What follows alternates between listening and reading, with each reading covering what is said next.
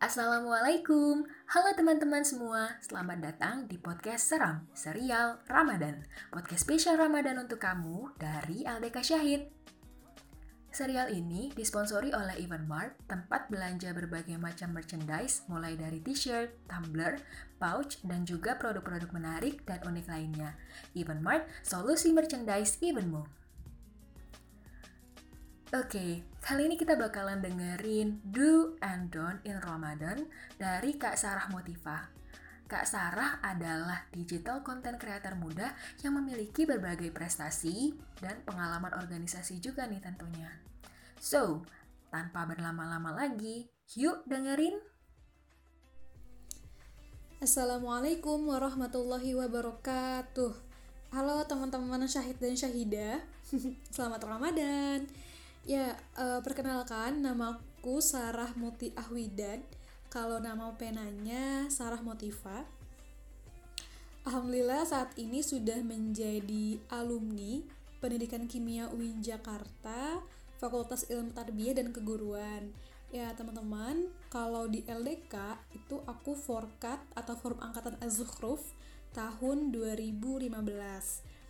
Nah, uh, ngomongin tentang Ramadan gitu ya. Alhamdulillah banget. Allah masih terus menerus dan berulang kali memberikan kesempatan kepada kita untuk bertemu dengan Ramadan yang seharusnya ini jadi hal yang dimanfaatin banget sama kita sebaik-baiknya sesungguh-sungguhnya. Bayangin aja teman-teman Ramadan itu adalah bulan di mana Allah limpahkan ampunan ke hambanya. Tempat uh, waktu untuk menghapuskan uh, segala dosa-dosa manusia gitu ya segala dosa-dosa hambanya. Kalau kita nggak manfaatin dengan baik itu sayang banget. Dan kita jadi orang yang sombong banget.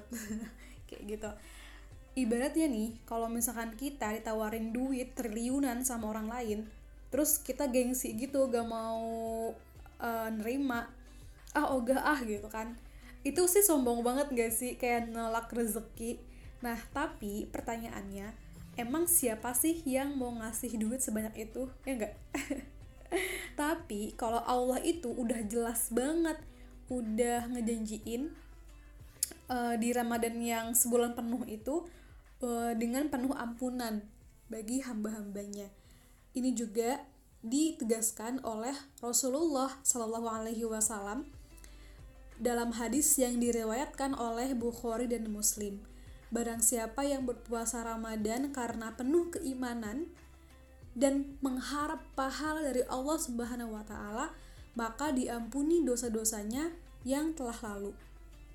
Nah, ibadah di Ramadan itu selain um, penghapusan dosa atau pengguguran dosa, banyak banget pahala diskon uh, banyak banget jor-joran pahala dari Allah gitu loh kalau menurut hadis yang diriwayatkan oleh Bukhari setiap amalan kebaikan yang dilakukan oleh manusia akan dilipat gandakan dengan 10 kebaikan yang semisal hingga 700 kali lipat. Masya Allah banget ya. Allah Ta'ala berfirman, kecuali amalan puasa. Nah loh, kecuali amalan puasa. Kenapa? Karena puasa adalah untukku. Kata Allah, aku sendiri yang akan membalasnya. Disebabkan dia telah meninggalkan syahwat dan makanan karenaku. Bagi orang yang berpuasa akan mendapatkan dua kebahagiaan, yaitu kebahagiaan ketika dia berbuka dan kebahagiaan ketika berjumpa dengan robnya. Beh, ini kebahagiaan level dewa ya bahkan lebih dari itu gitu kebahagiaan yang nggak terkira. Mantap banget. Nah makna hadis tersebut tuh uh, Rasulullah mengatakan gitu kan setiap amalan kebaikan itu akan dilipat gandakan pahalanya 10 kali lipat. Bahkan 700 700 kali lipat gitu. Tapi kalau untuk puasa menjadi tak terhingga gitu. Uh, yang diberikan langsung sama Allah. Nah udah tahu gimana uh, keutamaannya bulan Ramadan harusnya sih kita tuh gak ada alasan buat gak ngegas ningkatin ibadah di bulan Ramadan. Kayak tilawah Al-Quran, sholat sunnah tarawih terus juga uh, mengerjakan sholat qobliyah atau ba'diyah uh, saat sholat fardu.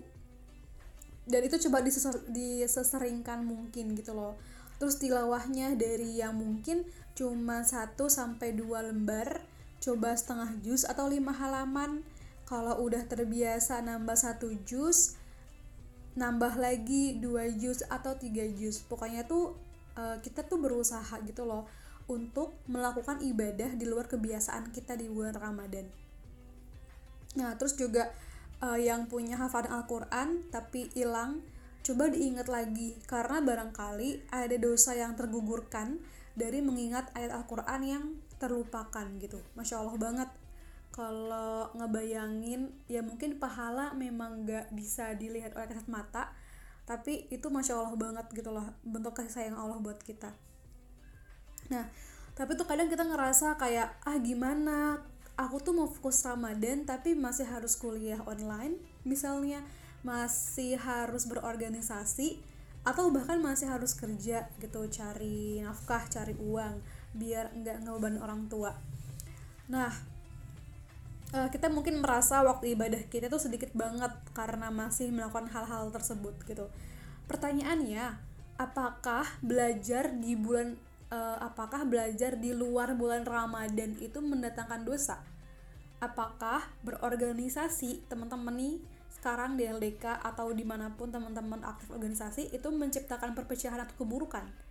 Apakah pekerjaan uh, teman-teman pekerjaan kita itu untuk mencari uang haram? Kalau iya, jangankan di bulan Ramadan, di bulan-bulan lain pun gak akan dapat pahala yang ada justru malah dapat dosa gitu ya, dapat siksa dari Allah gitu. Artinya apa? Ya baik lagi ke yang tadi aku sebutkan, Allah bilang kan akan uh, memberikan balasan untuk uh, orang-orang yang berpuasa di bulan Ramadan. Karena apa? Meninggalkan syahwat gitu ya. Jadi belajar berorganisasi dan bekerja, insya Allah masih dalam bentuk ibadah ke Allah. Asal kita bisa melawan syahwatnya gitu. Apa sih syahwat uh, ketika belajar? Apa sih syahwat uh, saat berorganisasi atau bahkan bekerja gitu? Misalnya uh, biasanya teman-teman yang kuliah online nih pagi-pagi jarang mandi oke bajunya nggak rapi sekarang ilangin kebiasaan itu uh, kebiasaan buruk-buruk kayak gitu gitu loh. Terus apalagi nih uh, yang off kamera karena pengen lesehan karena pengen leyeh-leyeh karena pengen tiduran gitu. Itu kan kayak apa ya memperlihatkan tidak punya adab di hadapan dosen ya. Kayak gitu terus juga berorganisasi nah jangan sampai karena ramadan kita malah ninggalin amanah gitu loh. Ninggalin kerjaan yang justru malah membebankan orang lain gitu. Uh, padahal kita masih bisa gitu untuk menuntaskan amanah tersebut gitu. Dan juga sama dengan bekerja gitu kan. Nah, tinggal apa sih sebenarnya tugas kita uh, sekarang gitu untuk terus menjadikan ketiga hal tersebut gitu ya menjadi uh, ibadah terus waktu kita nggak nggak ngerasa kekurangan sebenarnya uh, ada sih uh, teman-teman pasti udah tahu juga sebenarnya ya. Hmm, tinggal kita tuh memanage atau mengatur waktu aja gitu loh teman-teman biar bener-bener padat aktivitas kita selama Ramadan. Sampai tuh nggak ada lagi waktu kosong yang bikin kita longgar gitu loh. Nah, kuliah, berorganisasi, dan bekerja itu bisa jadi pundi-pundi datangnya pahala yang berlipat ganda kalau kita niatkan ikhlas untuk ibadah lillahi ta'ala. Tapi aku juga tuh pengen uh, hatam Al-Quran kayak yang lain. Interaksi sama Al-Quran itu banyak waktunya gitu. Nah, sebenarnya bisa kok insya Allah bisa. Gitu kan. Kalau ya nggak mungkin dong Allah ngebiarin kita buat nggak ibadah ke Allah gitu loh nah jadi kita harus bener-bener ngatur waktu kita bagi satu hari itu menjadi tiga kuadran pagi siang dan malam. Nah pagi ya saat kita bangun sahur sampai waktu duha kita bisa tilawah Al-Quran nuntasin satu juz misalnya dan zikir pagi. Nah ini juga sih yang bisa ngebantuin kita buat uh, nggak tidur lagi abis sahur. Berat banget sih pasti. Nah siangnya kita bisa aktivitas uh, ya bekerja belajar atau ngurusin organisasi gitu kan um, kita bisa cek tugas organisasi juga sampai sore. Terus setelah sholat kayak sholat zuhur sholat asar itu kita bisa lanjut tilawah mungkin beberapa lembar. Jangan lupa juga kita sholat qobliyahnya sholat ba'diyahnya. Sampai asar kita selesai pekerjaan baca zikir sore dan jangan lupa uh, kita kalau misalkan emang orang tua butuh bantuan buat mempersiapkan berbuka puasa itu harus disempetin banget gitu. Terus um, di maghrib nah itu kita mendapatkan satu kebahagiaan dari Allah itu bertemu dengan azan maghrib kita buka puasa gitu kan. Nah malamnya kita lanjut sholat tarawih. Lalu tilawah Al-Quran ngehatamin target. Misalkan satu hari ini kita targetnya dua juz. Terus dari abis uh, sahur tadi sampai uh, asar itu baru dapet satu juz setengah gitu. Nah malam-malam ini yang waktu yang syahdu banget yang udah tenang pikirannya udah jernih pikirannya gitu ya udah udah hilang dahaga dan laparnya dituntasin dihatamin. Berarti bisa baca setengah jus. Jadi dalam sehari kita bisa baca dua jus kayak gitu. Kan masya allah banget ya sebenarnya. Nah uh, terus juga malam-malam kita bisa banget loh ngelakuin uh, aktivitas yang jadi project-project pribadi. Misalnya teman-teman punya rutinitas buat nulis misalkan nulis di blog nulis di diary atau punya project konten dan lain sebagainya itu bisa banget dilakuin malam hari. Ini seru banget sih. Kadang kan ide muncul pas malam-malam ya. Nah tapi uh, catatannya adalah jangan sampai kita tidur terlalu terlalu terlalu larut terlalu uh, larut gitu ya sehingga abis sahur itu kita bisa kita nggak bisa ngelakuin aktivitas yang udah direncanain di awal gitu karena uh, karena ngantuk. Ya kira-kira gitulah gambaran besarnya gitu. Teman-teman bisa uh, juga memvisualisasikan target-target amalan harian di dinding kamar di pakai sticky note gitu ya di mading biar apa? Biar tuh kita selalu ingat dan biar kita semangat terus gitu loh dan itu harus dibikin sekreatif mungkin biar enak dipandang Nah, itu salah satu acuan atau motivasi kita untuk memanfaatkan Ramadan dengan sebaik-baiknya. Karena teman-teman, Ramadan itu adalah waktunya kita buat olimpiade takwa. Kalau mau capek, capekin aja sekalian. Kalau mau berjuang, jangan tanggung-tanggung. Bismillah ya, ini juga buat reminder diriku sendiri sih. Dan kalau lebih enak sih, uh, kita tuh apa ya harus punya goals setelah Ramadan gitu loh. Mau hatam Al-Quran uh, tiga kali dua kali itu ditulis sejelas-jelas mungkin. Nah insya Allah teman-teman kalau kita niat banget niat sungguh-sungguh karena kita tuh harus banget sih jadi pemeran utama saat Ramadan. Jangan cuman jadi penonton yang cuma nahan lapar tapi banyak tidur leyeh-leyeh nggak dapat pahala kebaikan yang luar biasa uh, dari Allah gitu.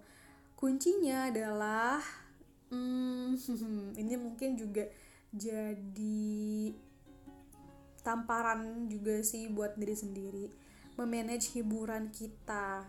Nah kenapa ya hiburan kayak gadget bahkan televisi gitu. Karena dari kedua hal tersebut ada gozul fikri alias perang pemikiran yang bisa bikin ibadah ramadan kita tuh jadi nggak sempurna. Emang enak banget sih kayak tengah hari tiduran sambil liatin media sosial liatin konten TikTok bacain orang-orang sambat di Twitter yang justru sebetulnya sadar atau enggak udah merampas waktu ibadah kita terus dari televisi. Kalau kita perhatiin ya teman-teman waktu sahur itu banyak banget tayangan kuis-kuis berhadiah kan. Terus tuh kayak ada selingan komedi-komedi yang bikin kita ketawa ngakak. Nah itu tuh sebenarnya bisa bikin hati kita keras gitu karena terlalu ketawa berbahak-bahak. Mungkin ya kita nggak tahu aja dari ketawa-ketawa saat sahur malah bikin kita males tilawah abis sahur gitu lebih baik kan perbanyak zikrullah dan mohon ampunan Allah gitu ya. Karena ini sesungguhnya uh, sudah uh, dijelaskan juga oleh Rasulullah dalam hadis. Ibnu Hajar berkata doa dan istighfar di waktu sahur mudah dikabulkan. Nah jadi itu kayak apa ya? Udah jadi golden time banget buat kita doa pas sahur gitu. Jadi jangan malah cekak cekikikan gitu kan sayang banget. Mungkin itu hal-hal yang dianggap remeh tapi kayaknya bisa berdampak banget sih buat ibadah kita gitu. Nah fakta selanjutnya adalah kalau di TV nih ya kalau kita lagi nunggu buka puasa aku pribadi juga sama keluarga kadang suka nungguin azan maghrib di televisi gitu ya sambil nonton para pencari Tuhan. Nah kalau misalkan kita perhatiin di TV gitu ya menjelang maghrib itu ada iklan rokok. Nah pas mau azan maghrib banget loh gitu. Padahal tuh kan kalau apa namanya uh, melihat larangan iklan rokok itu tuh hanya boleh tayang jam setengah 10 malam sampai jam 5 pagi gitu. Tapi uh, saat puasa gitu ya saat banyak orang yang uh, mantengin TV untuk uh, nunggu azan malah ada iklan itu gitu. Jadi itu kayak ngasih tahu ke kita kalau abis buka puasa itu adalah waktu yang tepat buat merokok setelah puasa seharian. Nah kayak gitu. Itu juga uh, jadi jadi uh, merusak amalan puasa kita juga sih sebenarnya. Kalau kita apa ibaratnya ngerokok itu kan apa ya haram dilakukan gitu ya. Tapi justru malah dipancing untuk melakukan aktivitas merokok setelah buka puasa gitu. Nah mungkin itu aja teman-teman ya uh, kalau diperhatiin ternyata ya gadget sama televisi tuh jadi bumerang buat kita banget gitu jadi waspada waspada uh, sekian mungkin yang bisa aku sampaikan teman-teman semangat puasanya semangat ibadahnya semoga umur kita sampai pada akhir Ramadan. Semoga kita tersampaikan untuk meraih kemenangan. Terima kasih. Wassalamualaikum warahmatullahi wabarakatuh. Terima kasih Kak Sarah atas sharingnya. Um, ada satu kalimat dari Kak Sarah yang pengen aku kutip nih. Kurang lebih begini bunyinya. Jadikan Ramadan ini sebagai olimpiade takwa. Kalau mau capek, ya capek sekalian aja. Wih. Mantap. Siap Kak, laksanakan. Oke deh teman-teman semua, mungkin episode kali ini cukup sampai di sini dulu ya. Ketemu lagi minggu depan. See you. Assalamualaikum.